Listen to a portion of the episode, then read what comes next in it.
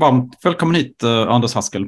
Tack så mycket. Du har ju eh, väldigt stor eh, erfarenhet av marknaden och börsen. Jag tänkte bara höra vad, vad har du för bakgrund? Jag har jobbat med lite allt möjligt på aktiemarknaden under, ett, under rätt så många år. Analys, rådgivning, förvaltning och också en hel del, det kanske där de flesta av lyssnarna har, har, har sett mig mest som skribent i olika, olika medier. Jag har också skrivit en bok som kom för en del år sedan som heter Bli grymt rik på aktier. Och, eh, det har kanske varit svårt att bli det senaste året, men jag tror att eh, om jag, om jag får säga det själv så tror jag att den modell som beskrivs kommer att, kommer att fungera även i framtiden. V vad är det man ska tänka på då när man eh, sparar i aktier? Vad är det, man, vad är det, folk, vad är det folk gör för misstag framförallt? Ja, jag tillhör den skolan som tror att man ska göra det, försöka göra det så enkelt som möjligt. Alltså det är ju man ska ha klart för sig att det är väldigt svårt att lyckas på aktiemarknaden genom att vara smartare än andra på något sätt. Alltså för att det är en extremt hård konkurrens där om att göra de bästa placeringarna. Och, då och tror jag att eh, det istället handlar om att försöka vända på det hela och se sina placeringar långsiktigt. Alltså jag tillsammans med många andra har ju i rätt hög grad anammat den här så kallade Warren Buffett-strategin att eh, köpa, köpa kvalitetsföretag, försöka äga dem så länge som möjligt och se långsiktigt på sina placeringar. Ja, misstag som folk gör, ofta tar alldeles för stor risk. Det har vi väl inte minst sett eh, de senaste åren där det har varit väldigt populärt att hoppa in i eh, många företag som som, som innebär väldigt hög risk. Ny, relativt nystartade företag, företag på de mindre listorna och högvärderade techbolag exempelvis. Folk saknar jag har själv gjort många av de här misstagen också under årens lopp. Så att, så att, men som aktieplacerare så saknar man ofta det tålamod som kan krävas. Ja, det är några, några av de sakerna som jag anser att man bör ta fasta på. Okej, så Warren Buffett är en, en, stor inspirationskälla då kan man säga? Ja, sen har väl inte han lyckats lika bra de senaste åren. Jag vet inte om det har med åldern att göra eller någonting annat eller förutsättningarna kanske har förändrats. Men, men eh, hans modell att eh, köpa kvalitetsföretag som har en stark marknadsposition eh, med, med kanske begränsad konkurrens, se långsiktigt på sina placeringar. Det är en enkel strategi som ofta vinner det långa om, om, vi, om vi ser på, på dagens marknad, då, vad, vad ser du då för någonting? Jag ser att marknaden fortfarande finns eh, stora risker. Sen så eh, innebär det naturligtvis alltid risk att placera i aktier och eh, det, det, det är väl också ett misstag som många gör att ofta köpa på toppen när allting verkar, när allting verkar perfekt. Och nu är vi inte på toppen, så då är det väl snarare att kanske börjar närma sig ett köpläge nu, mer generellt. Men, men det är ju en väldig osäkerhet. Vi har, vi har sett en kraftig, rätt, rätt så kraftig återhämtning senaste månaden. Eh, faran är, är, absolut inte över för nya nedgångar. Om, om, du kollar på, du har varit med om många nedgångar så att säga, i, i marknaden. Vad, vad, den här nedgången vi ser just nu, liknar den någon, någon tidigare nedgångsperiod? Ja, nej, alltså det, det som en, vi får gå rätt långt tillbaka för att se, se en sån här situation som i så hög grad beror på räntehöjning.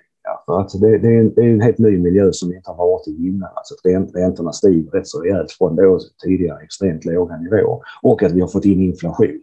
Det är ju, det är ju inflationen som är roten liksom till eh, räntehöjningarna. Och, och eh, det, det, det, får man ju säga är på sätt och vis ett nytt läge. Sen, sen, sen har ju börsen, börsen är ju alltid liksom räntedriven så att det finns eh, eh men, men det nya är att det har i så fall att det har blivit så extremt högt fokus på just inflation och därmed också hur räntorna kommer att utvecklas. När gjorde du dina första aktieaffärer? 1981. 1981, så det var precis ja, när... Jag tror, jag tror det faktiskt, ja. Det var precis när uppgångsperioden började då, kan man säga. Ja, jag tror, tror bestämt att det var 1981, ja. ja. Mm. Jag har nyligen gått ut gymnasiet. Okej. Okay. Ja. Eller var på väg att gå ut gymnasiet, ja. För, för 1970-talet är väl ändå, kunde vara liknande, lite liknande den här perioden så att säga, med hög ja. inflation. Eh, ja, men, ja, men precis. Och det var, ju, det var lite före min tid som i alla fall eh, aktiv följare av marknaden. Och, eh, men nu, nu var det mycket som såg annorlunda ut på 70-talet. Mm. Men, men där hade vi också en situation med hög inflation som vi faktiskt också var driven av höga, höga oljepriser som, som drev inflation lite förenklat. Så kanske vi måste gå tillbaka till 70-talet för att se i alla fall en liknande situation när det gäller hög inflation. Sen är frågan hur det blir fram, framöver. Jag tror inte att eh, inflationen kommer att vända neråt till eh, de, de nivåer som som vi vande oss vid under ett antal år, alltså 1, 2, 3, 3 procent. Utan det, det kommer nog vara en ut, utdragen process. Och det kan i så fall också innebära att det blir en utdragen process innan, innan, innan räntorna eh, vänder ner på nytt på allvar. Och det i sin tur kan ju fördröja en, en, en eh, återhämtning på, på aktiemarknaden. Vad, vad, vad, får dig att tro att inflationen kommer att förbli så pass hög? När väl inflationen tagit sig in i system, det ekonomiska systemet så, så tenderar, tenderar det att bita sig kvar. Alltså att uh, företag måste kompensera sig för, för prishöjningar och, och eh, ja, det spiller över på konsumentpriserna. Då, då ska, då ska eh, arbetsmarknaden är fortfarande stark i vissa eh, på, på flera håll och då, då är det lättare för löntagare att kompensera sig för, för högre kostnader också genom att begära högre löner och det i sin tur riskerar att späda på inflationen. Nu tror jag inte att vi hamnar i ett läge där, där det blir någon lönespiral. Så det kommer att finnas inslag av liknande, liknande inslag. Det, det är en sån faktor som kan, kan fördröja en nedgång till eh, där vi har vant oss vid som sagt då, blivit bortskämda med så att säga när det gäller inflations och räntenivå. Det, det leder till högre avkastningskrav på aktier. Jag, jag, jag, jag måste ha högre kompensation för eh, nej, Nu kan man ju få rätt så anständig ränta på en del eh, konton, inte minst om man binder pengar något år. Så och det går att köpa obligationer där räntan, där, där räntan är ganska okej, okay, åtminstone just vad vi har vant oss vid de senaste åren. Det, det innebär ju också att uh, det finns uh, helt plötsligt alternativ till aktier som inte fanns, uh, som inte fanns för något år sedan. Mm. Ja, det är en jättestor skillnad eh, får man säga jämfört med för ett år sedan. Mm. Ja. Plötsligt så har de massa andra alternativ öppnat senare. Ja, ja men precis. precis. Vad, vad gör det här nya investeringsklimatet för, för dig själv? Så att säga? Hur, ser, hur ser du på investeringar framöver? Här? Jag, jag fortsätter egentligen enligt samma strategi. Försöker ha, ha, en bas i, eller ha, ha en bas i portföljen med eh, stabila företag vi kanske kommer in på det senare också. Jag är ju, det, det, är inte så fantasifull strategi, men det är många som har nappat på det de senaste åren.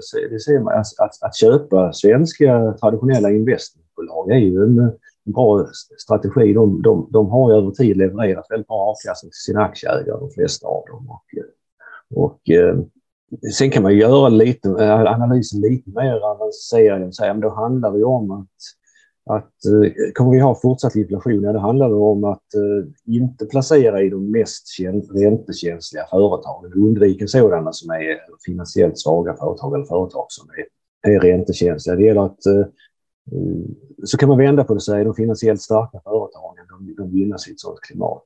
Det handlar också om företag som, som kan kompensera sig för prishöjningar. Som, eh, energipriserna kanske redan har toppat. Det, det är jätte, jättesvårt att säga. Så att, eh, företag som är beroende, externt beroende av eh, råvar, eh, råvarupriser i hög grad och så kan, kan det också finnas anledning att undvika. Men med det sagt så kan, nu kanske i alla fall en del råvarupriser har toppat som det ser ut. Då är, då är den risken delvis borta just för stunden i alla fall. Företag som så att säga kontrollerar sin egen, både, både har förmåga, förmåga att höja priser men också kontrollera sin egen kostnadsbild. Och kontrollera sin egen kostnadsbild, det gör inte företag som betalar betalar mycket ränta. Räntor är också en kostnad självklart. Absolut. Okej, okay, så investmentbolag eh, tror du på. Är det bara i Sverige eller kollar du utomlands också? Nej, det har jag inte gjort någon större omfattning utan då är det de traditionella. Alltså, ja, jag, jag, jag tror att hade du frågat mig för tio år sedan också, eller fem år sedan, så hade jag lyft fram, det låter lite tråkigt och fantasilöst, men, men Investor är ju ett företag som, eller ja, är en aktie som är, som är en väldigt bra bas i de flesta portföljer. Vissa investmentbolag har handlats med en hög, hög, hög premie som har gjort att det har tagit emot lite, att, alltså, alltså att eh, priset på börsen har varit eh, överstigit värdet på bolagets eh, tillgångar. Eh, traditionellt sett har investmentbolag snarare handlats med rabatt. och det är ju det man ska hålla ögonen på nu också. Var kan jag komma in med rabatt i, i, i eh, kvalitetsföretag? Latour är ett företag som har, de, de äger väldigt fina de är delägare i väldigt fina bolag. Men å andra sidan har just Latour-aktien tillhört de som har kanske haft den högsta mm. premien, högsta värderingen på marknaden. Sen Lundbergs är ju... Jag är, jag, jag är ju skeptisk till fastighetsaktier så här långt. Det finns mycket fastigheter i Lundbergs. Men å andra sidan så är det en väldigt låg belåning i, i, i Lundbergs och eh, i, i, i Lundbergs intressebolag. Vilket gör att eh, när risken med eh, ja, en utdragen period med höga räntor, ytterligare högre räntor, den är mer begränsad i Lundbergs så, så, så, och, ehm, så det, det, det, det, är också ett investmentbolag som vi tycker har långsiktiga kvaliteter. Hur ser du på ett mindre bolag som Svolder till exempel? Mindre investmentbolag? Ja, eh, intressant. Eh, nu har man ju nyligen bytt vd. Jag vet inte, Ulf Hedlund som var vd tidigare har ju drivit Svolder sedan bolaget grundades någon gång i början, mitten på 90-talet. Suttit där väldigt lång tid. Eh, jag tror i och för sig inte att det får sån jättepåverkan, men det skapar en lite ökad osäkerhet eh, kring vägen framåt. Men man ska inte, man, man ska inte överdriva den effekten heller. Ja, alltså, Svoldrö eh, Svolder har ju innehav i många lite mindre kvalitetsföretag. Och ja, alltså, egentligen svaret absolut intressant. Alltså, för att det, det, det, det, är också en enkel väg för många placerare att komma, komma in i de mindre företagen. Att, att så att säga till en låg kostnad låta någon annan göra analysen och förhoppningsvis eh, hitta, hitta rätt bolag. Investmentbolag har också en fördel framför. Eh, risken är inte särskilt mycket högre att äga investmentbolag, framförallt inte om man har en, har en spridd portfölj med innehav i olika bolag jämfört med att äga aktiefonder. Och investmentbolag har ju den tydliga fördelen över tid att eh, förvaltningskostnaden är mycket lägre än i många av de aktivt förvaltade fonderna. Jag vill säga också att investmentbolag generellt, svenska investmentbolag har presterat bättre rent avkastningsmässigt också än väldigt många fonder. Den stora fördelen är också att eh, vid, vid i nedgångsperioder då att eh, en, en aktiefond måste ju sälja när andelsägarna tar ut sina pengar. Men en investmentbolag kan ju eventuellt köpa när portföljbolagen faller. Ja, investmentbolagen i alla fall, om de har likvida medel, har ju en annan flexibilitet på det sättet. Kan behöver aldrig bli tvingade att sälja. Precis som du säger, alltså, i riktigt dåliga marknadssituationer där andelsägare tar ut sina pengar, då, då, då kan ju aktiefonden tvingade att sälja vid helt fel tillfälle. Finns det några andra investmentbolag förutom Investor och, och Latour? Som du, som Lundberg, Lund, Lundbergs. Och Lundbergs. Mm. Ja, alltså, det, det, det är ju lite en, en smaksak vad, vad, man väljer. Eh, köper man Lundberg så får man industrivärde på köpet eftersom Lundbergs är stora ägare i industrivärde. Så jag tycker att gå vägen via Lundbergs föredrar jag i alla fall. Men mm. sagt, det är ganska mycket en, en, en smaksak. Eh, Sven Hagströmers bolag eh, Creades har ju lyckats fantastiskt bra historiskt. Nu har det väl varit lite sämre på senare tid. Mm. Bland annat på grund av att de har ett stort avansinnehav. Sen blir vi ju alla äldre. Jag, Sven Hagström har kommit upp rätt rejält i år så vi vet ju inte hur länge han är förhoppningsvis med ett tag till. Alltså. Men, men mm. generellt, alltså de här... Nej, nej men eh, så Creades kan jag, vill jag också lyfta fram. Kollar du mycket på personrisk i, i de här bolagen också, eller hur? tänker du då? Eh, jag tycker att man ska göra det. Jag, ty jag, tycker man ska titta på vad det är för människor. Det är viktigt. Det är väldigt viktigt egentligen vilka, vilka människor det är som sitter i, i ratten och styr i bolaget, inklusive vem, vem som sitter i styrelsen. Men vd och huvudägare inte minst är väldigt viktigt. Sen, sen är det kanske en sån där faktor som eh, vi ibland som placerar lite grann glömmer bort och tittar på andra faktorer. Men i grunden så anser jag att det, det, det är viktigt att titta på vem det är som styr. Vilken är den, eh, om du får välja, den, den, eh, den sämsta affär du har gjort på aktiemarknaden? Ja, Eller de sämsta ja, kanske? De sämsta? Ja, men det finns ju någon fastighets... Det går rätt långt tillbaka, något fastighetsbolag eh, i början på 90-talet. 90-talskrisen? Mm. Ja, ja. samband med den Eh, krisen. Ja, däremot så jag var nog inne någon sväng, mindre innehav mot IT-bolag också i samband med eh, IT-bubblan eh, IT, 2000, men jag har inte någon minnesbild av något annat sådär som... som men, men jag kan säga så här att vi gör ju alla våra misstag alltså och det är, det är lätt att ryckas med när, det, när en viss bransch är hajpad som fastighetsbolagen var i början på 90-talet eller, eller runt 89-90 och, och Eh, senare då IT-bolagen IT-bolagen i början på 2000-talet. Nu, nu, nu har vi sett väldigt många, eller sett en del IT-bolag ta rejäla smällar eh, det senaste året också. Det har jag väl till stor del lyckats undvika. Så vet jag inte om det är mer, mer tur än skicklighet. Men jag vet inte, jag har väl upplevt att många av de här bolagen som har fallit mest nu kändes väldigt högt uh, värderade. När vi, om, vi, om vi backar ett och ett halvt år ungefär. Likadant fastighetsaktier har, som har tagit mycket stryk har jag väl också i princip lyckats undvika nu, men det är kanske en, väl så mycket tur som skicklighet. Men de har också känts uh, lite, ja, ja li, li, li, det är lätt att säga i efterhand, men, men mm. ja, alltid, lätt, alltid lätt med facit i hand. Men, men har ju känts lite övervärderad kanske, lite, lite uh, väl, väl hajpade. Sen för, förlustaffärer, höll på att säga, av mindre omfattning det drabbas man ju ofta av. Och, eh, det, är ju en del, det, är, det, är, det är en del av att... Jag, jag står för filosofin att eh, jag tycker det är otroligt svårt att eh, kliva av marknaden helt och hållet och så försöka hitta ett nytt tillfälle att gå in. Det, det, är liksom, det, det, det låter lite liksom lätt att man ska försöka sälja på toppen och köpa på botten, men det är ju nästan omöjligt att lyckas med. Och, och eh, det kräver minst två korrekta beslut. Dels ska du hitta rätt tillfälle att sälja och sen ska du hitta rätt tillfälle att köpa, vilket kanske är ännu svårare för att eh, där eh, spelar psykologin oss ofta spratt också. Att eh, går inte som du tänkt så blir du, blir du stressad och kanske kliver in i marknaden igen även om eh, kanske till och med på högre nivå än där du, där du klev ur. Så att jag, jag, jag står för filosofin att tror man på aktier så ska man äga aktier alltid i princip. Sen kan man ju få lite på marginalen eh, köpa och sälja. Och tycker man det är intressant och kul med aktier och ändå vill försöka så visst, du kan, då, då, då, då, eh, då kan man ju som sagt på, eh,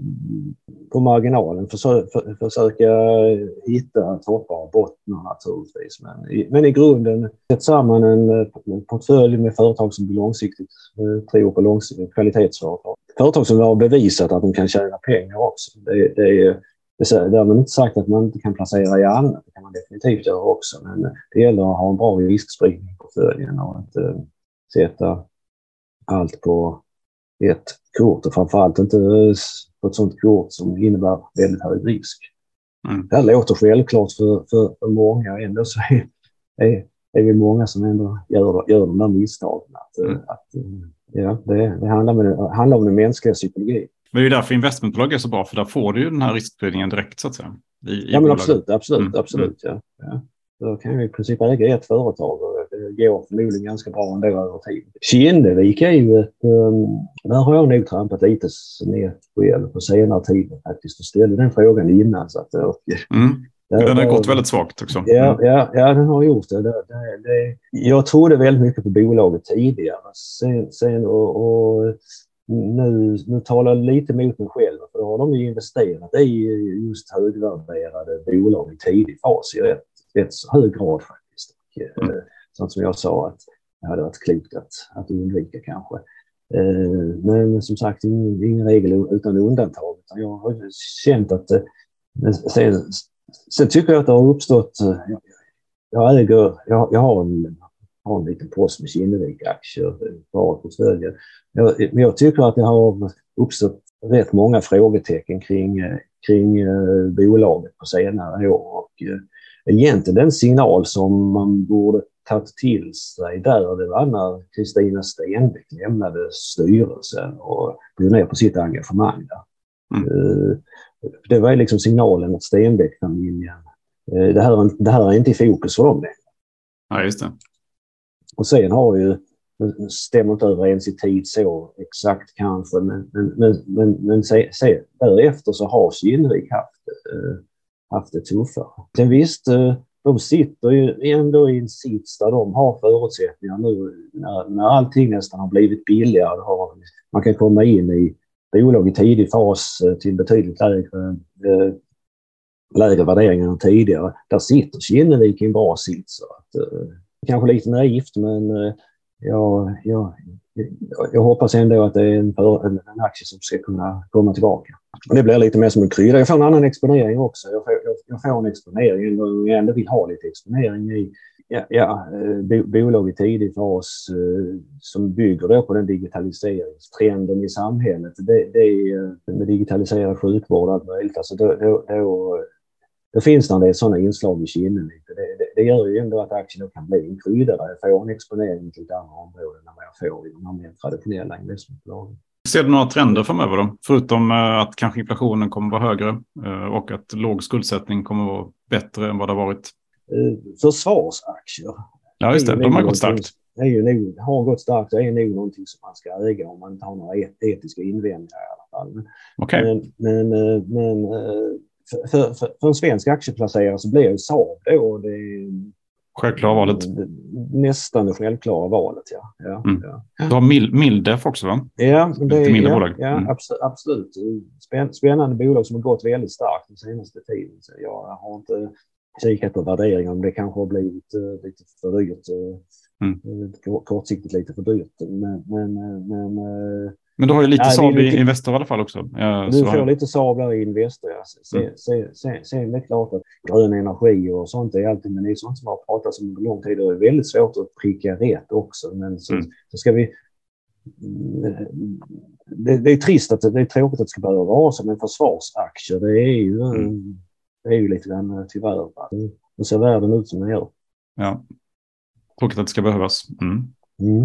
Jag vet inte på lite längre sikt, men alltså trenden, alltså bransch, vi snarare pratar bransch, branscher som kan få mm. lite renässans.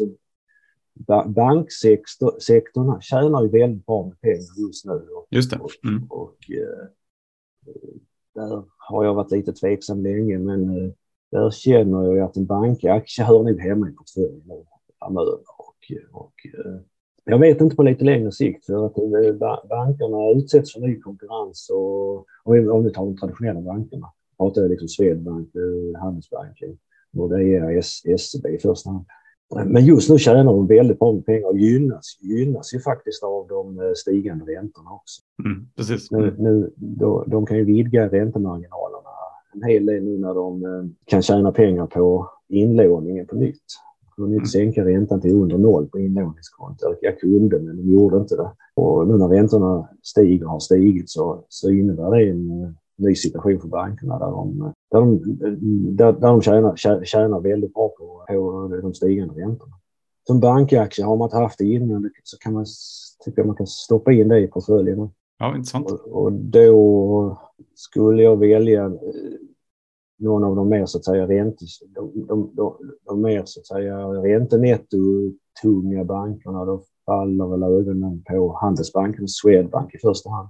Mm. Swedbank har väl ett eh, ok de bär med sig. Någon tidning skrev om det för någon dag sedan tror jag. Att, uh, med risken för amerikanska skadestånd på grund av det. det här var bakåt till de här penningtvättshistorierna i bank. Men, men eh, SEB är ju mindre exponerat, är mer exponerat mot eh, provisioner av företags utlåning där det kan bli mer kreditförluster framöver. Och, så, så att Handelsbanken som har haft en svag utveckling länge, det, det, ja, det lyfter jag fram det som mitt första ansvar. Handelsbanken? Mm. Handelsbanken, ja. Ja, men intressant. Mm. Men det är ju, du ser ingen risk i, i svenska bostadssektorn då? Att den faller i, i världen nu och eh, svenska har höga belåning? Jo, jo, det, det kan bli så tyvärr alltså att det finns en del privatpersoner som inte kommer att kunna hantera sina bolån. Eh, absolut. Tyvärr, tråkig situation, men så kan, så kan det definitivt bli. Men jag, jag, bedömer inte, jag tror inte att det kommer att drabba bankerna i så stor omfattning så att det behöver få något större genomslag på aktiekurserna. Där är, mm, där är ett visst utrymme för bankerna att uh, ta, ta höjd för detta genom att uh, de mest belånade kanske uh, amorterar, eller de högst belånade kanske amorterar på sina lån nu också. Och då kan bankerna som ett första steg ge det är amorteringsfrihet. Bankerna kan ju ge undantag från de här amorteringskraven eh, och, och eh, som, som ett första steg då. Sen är det inte, det kan finnas andra situationer. Men, men man ska också ha klart för sig att eh, bankerna förlorar väldigt mycket, förlorar väldigt lite på mm, väldigt små kreditförluster kopplade till privatpersoner under finanskrisen i början på 90-talet. Kanske det var en lite annan, annorlunda situation för då hade vi ett läge också där räntorna höll, gick ner från väldigt hög nivå, vilket då lättade på trycket för många, med, många personer med bolån. Nu har vi lite omvänd situation där. Eh, bolåneräntorna stiger. Men, men eh, eh, nej, jag ser inte det som en överdriven risk att bankerna ska förlora, förlora en massa på privatpersoner. Det kan nog snarare vara något större fastighetsbolag där ute som, som kraschar faktiskt. Och det är en följdfråga, vilket då? Ja, är det precis är det något speciellt du tänker på? ja, jag kan inte lyfta fram något särskilt. Alltså, säger man ett namn så pekar man ut någon oskyldig så att säga. Men, men, när det händer så kanske man blir lite överraskad. Jaha, låg de så illa till? Alltså, då mm. är det kanske inte någon av dem som man har tänkt på i, i första, första hand. hand. Nej. Nej, nej.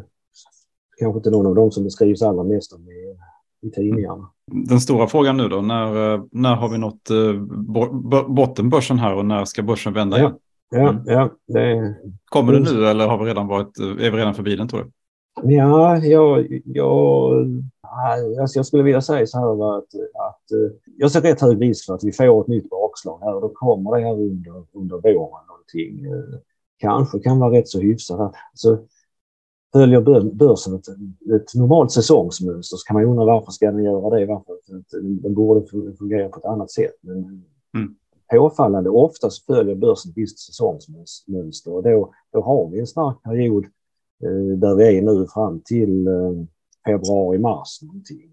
Mm. Sen blir det ofta lite säsongsmässigt svagare igen och, och eh, eh det skulle ju då kunna hänga samman med att, ja som sagt då, alltså, så det kan, det, det, det kan bli, mm, vi, vi, kan ha en rätt så stabil situation under en månad till och sen, sen, sen ett nytt bakslag och eh, sen kanske vi är så, så långt fram i den här räntehöjningscykeln att börsen tar ju ut eh, de framtida, de, de både positiva och negativa nyheter tar ju börsen ut i väldigt god tid i förväg. Alltså. Och vi kan vara i ett läge framåt ja, vår, våren, sommaren där, där en vändning på allvar, en vändning uppåt på allvar, all, allvar har inletts. Mm. Och ja, som, som, som sagt, jag, jag avviker kanske inte så mycket från många andra som skulle fått samma, som får samma frågor. Utan att uh, alla pratar väl om att uh, det alltid finns en risk, risk för ett bakslag. Ja, va, va, varför? Ja, eh, räntorna fortsätter upp lite till, kanske lite högre höjningar än vad vi just nu... Uh, den uppgång vi har just nu på börsen har, ju sin, sin grund i att uh, här ränterisken tonades ner lite grann, inte minst från USA då, där det, där det, där det kommit signal att det kanske inte blir så väldigt mycket höjningar ytterligare. Så kanske det kommer ett bakslag i form av att mm, det blev ändå lite mer höjningar och, och eh, marknaden tvingas skjuta så att säga den här, även när inflationstopp. Mm. Inflationen kommer att gå ner fram, framöver men den kanske inte kommer att gå ner i den takten som jag nämnde innan också, den takt som folk kanske hoppas på. Marknaden har kanske tagit ut lite för mycket förväg. Eh, sen framåt våren eh, så finns det en risk att vi kommer att få se vinstbesvikelse också i mm. Att eh, företagen har ju generellt hållit uppe vinsterna väldigt väl. De har höjt priserna, ja. Precis. Mm. De har höjt priserna. Sen, sen i svenska företag så får vi in uh, valutaeffekter också uh, i och med att kronan har varit så svag. Så att det ser kanske lite bättre ut än vad det är. Här kan det komma bakslag framöver. Verkligheten inte kommer ikapp. Att, en konjunkturinbromsning som vi rimligen har framför oss, att den kommer att slå igenom tydliga resultaten. Vi har en situation också, eh, här säger jag inte liksom för att jag ska hacka ner på analytiker, men det är så här det ser ut. Alltså analytiker tenderar ju väldigt ofta i sådana här lägen också att överskatta vinst, eh, vinstnivåerna framåt.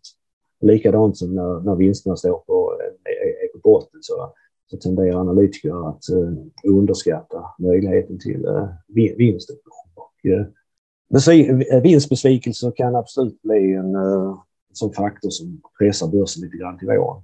Okej, okay, så botten någon gång under våren här då kanske? Ja, sen då. Jag tror, tror i och för sig inte att den, den, en, uh, ny botten, det, det, det, kanske inte måste vara en bottennivå som ligger under. Börs, börsen ska, vi får ett bakslag, Mm. Det, så mycket kan man säga att det, det är där, därmed är det inte sagt att det behöver gå ner under de nivåer som vi såg här i höstas. Okej, okay. mm. så en, hög, en så kallad högre botten? Uh, ja, ja. Och får vi en högre botten då skulle väl i alla fall den tekniska analys, analytiker tolka det som kanske som att uppgången har inletts. Just det. Mm. Ja. ja, men då rör, rör, vi oss på bottennivå i alla fall. Kan man säga. Nära ja, botten. ja, mm. ja. Sen vet jag att det finns, finns ju både människor som är mycket mer optimistiska och mindre, mer pessimistiska också. Man kan aldrig utesluta något. Men, mm. men, men eh, det, det, det, är så, det, det är så det ser ut på marknaden. Ja, det finns, all, finns alla åsikter. Ja, men, eh, tusen tack att du ville ställa upp dem. Ja, tack så Anders. mycket. Mm. Tack.